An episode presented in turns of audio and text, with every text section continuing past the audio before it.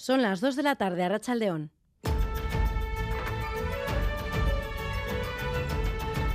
Crónica de Euskadi con Irache Martínez. El presidente del Euskadi Burubachar, Andoni Ortúzar, ha asegurado en el Alder Dieguna que la política española está dividida en dos bloques irreconciliables y ha dejado claro que el PNV no está ni con el bloque de Sánchez ni con el de Feijo.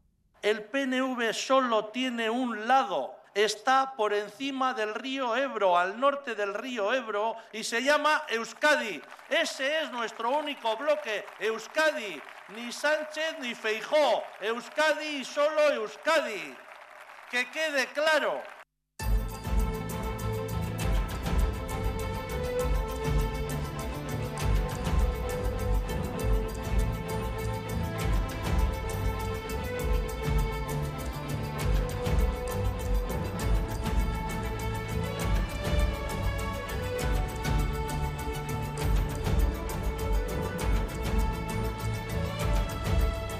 Palabras de Ortúzar, como decíamos, este mediodía en las campas de Foronda, como es tradición, con un mensaje doble esta vez. Por un lado, en clave estatal, como escuchábamos, y por otro, en clave vasca, porque ha asegurado, tras el Pleno de Política General celebrado este jueves, que no se creen la mano tendida por EH Bildu.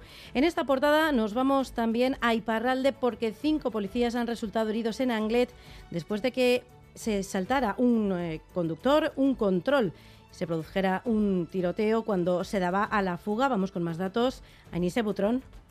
Cinco agentes de policía de la comisaría de Bayona han sido levemente heridos en Angelu. El incidente ha tenido lugar en la noche de ayer hacia las 3 de la mañana, según ha informado la radio local France Bleu Pays Basque. Los agentes de policía estaban interviniendo en una carrera entre dos coches en la avenida Matiñón de Angelu cuando ocurrió. Consiguieron detener la carrera, pero cuando procedían a identificar a uno de los conductores, este último se ha negado y se ha dado a la fuga atropellando a los policías. Uno de los agentes ha disparado, pero el conductor ha seguido la fuga. Aunque las heridas han sido leves, tres de los policías han sido trasladados al hospital de Bayona. El fiscal de Bayona, por su parte, ha confirmado los hechos, pero no ha dado más información. El conductor sigue en paradero desconocido.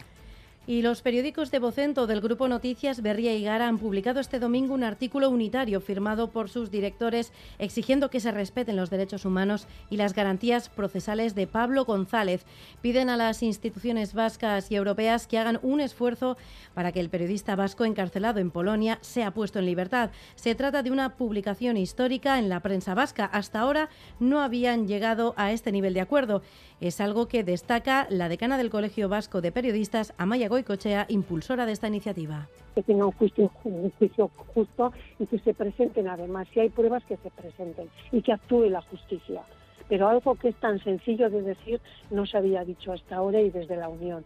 Entonces yo creo que es una muy buena noticia para, los, para el periodismo, para los periodistas y para el País Vasco. O sea, que, que Euskadi sea pionera en esto es muy interesante y es algo de lo que sentirnos orgullosos del exterior. Por un lado, estaremos pendientes de Italia, que celebra hoy elecciones generales y todo apunta a un futuro gobierno de la ultraderecha con Giorgia Meloni a la cabeza. Y por otro, miraremos a Cuba, que hoy vota el Código de Familia, un paquete de medidas propuesto por la Asamblea Nacional que contempla normas como el matrimonio igualitario, la gestación subrogada o la posibilidad de que las parejas del mismo sexo puedan adoptar. Enseguida vamos con estos asuntos, pero antes un adelanto de la actualidad deportiva. John Zubieta, Rachaldeón. Hola, Rachaldeón. El IDK se ha hecho con la Euskal Copa de Baloncesto después de haber vencido en Tolosa en el tercer partido de la competición a Lointe Guernica por 72-67.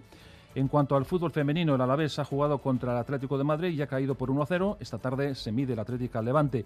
En ciclismo, Remco de Benepul se ha hecho con el triunfo en el Mundial de Ciclismo de Australia por delante de Laporte y Matthews. Además, Kipchoge ha batido su propio récord del mundo de maratón con un tiempo de 2 horas, 1 minuto y 9 segundos, medio minuto menos que su anterior plus marca. Berlín ha sido escenario de este crono. Es que recasco John y les contamos también que la tormenta tropical Hermín se deja sentir ya en Canarias con importantes incidencias, cortes de carreteras, vuelos cancelados, desprendimientos y hasta un pequeño terremoto son las consecuencias de las intensas lluvias que continuarán mañana, Xavi Segovia. La tormenta tropical Hermín ha pasado en las últimas horas a depresión tropical con importantes precipitaciones que podrían alcanzar los 165 litros por metro cuadrado.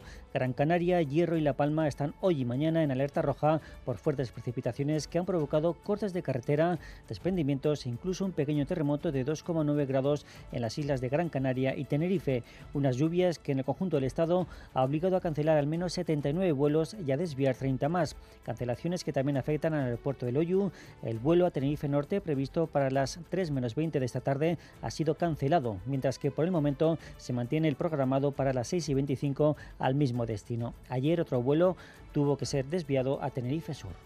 Y vamos ya con el pronóstico del tiempo para las próximas horas. Euskalmet, Jayone Munarriz, a León.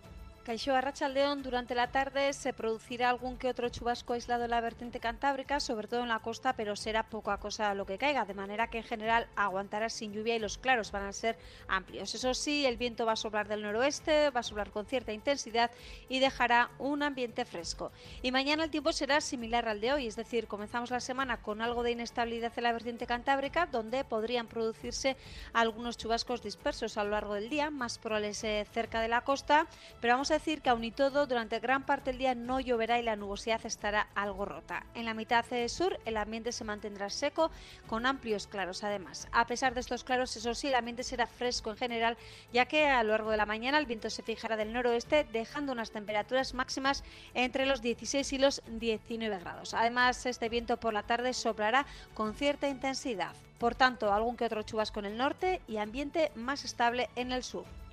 En carreteras sin incidencias a esta hora, según el Departamento de Seguridad, en el control técnico, Jesús Malo, Maitane Bujedo y Javi Martín son las 2 y 6 minutos de la tarde. Comenzamos.